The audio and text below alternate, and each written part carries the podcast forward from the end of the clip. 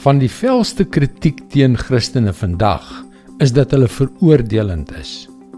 Hoe kan hierdie mense wat bely dat hulle in die God van liefde glo in 'n wêreld waar alles toelaatbaar is, so verskriklik veroordelend wees?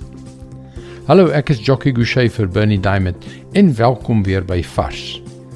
Weet jy dat mense dink Jesus het altyd net positiewe, liefdevolle dinge gesê en dat hy nooit mense gekritiseer het soos hierdie Christene van vandag doen nie?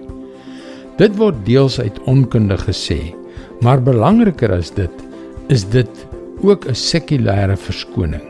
Mense wil self beskerm teen die waarheid van die evangelie, die goeie nuus van Jesus wat die genade van God bring, want hulle weet dit beteken 'n wegdraai, 'n bekering van dit wat hulle weet verkeerd is. Watter beter verskoning is daar om jouself teen die evangelie te beskerm as om te beweer dat Jesus almal liefhet en aanvaar sonder dat dit nodig is om jou lewe te verander. Dit is tyd om hand in eie boesem te steek. Kyk mooi wat is die waarheid in Matteus 25 vers 41. Dan sal die koning vir die aan sy linkerkant sê: "Gaan weg van my af, julle vervloektes. Gaan na die ewige vuur wat vir die duiwel en sy engele voorberei is. Dit is deel van 'n gelykenis wat Jesus oor die dag van oordeel wat sekerlik vir ons almal sal kom, vertel het.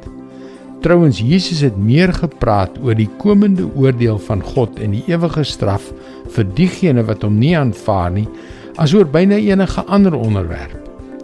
Dit klink glad nie na besonder goeie nuus nie totdat jy besef dat hy vir jou gesterf het sodat jy vergewe kan word. Moenie gevlous word nie. Daardie dag kom verseker.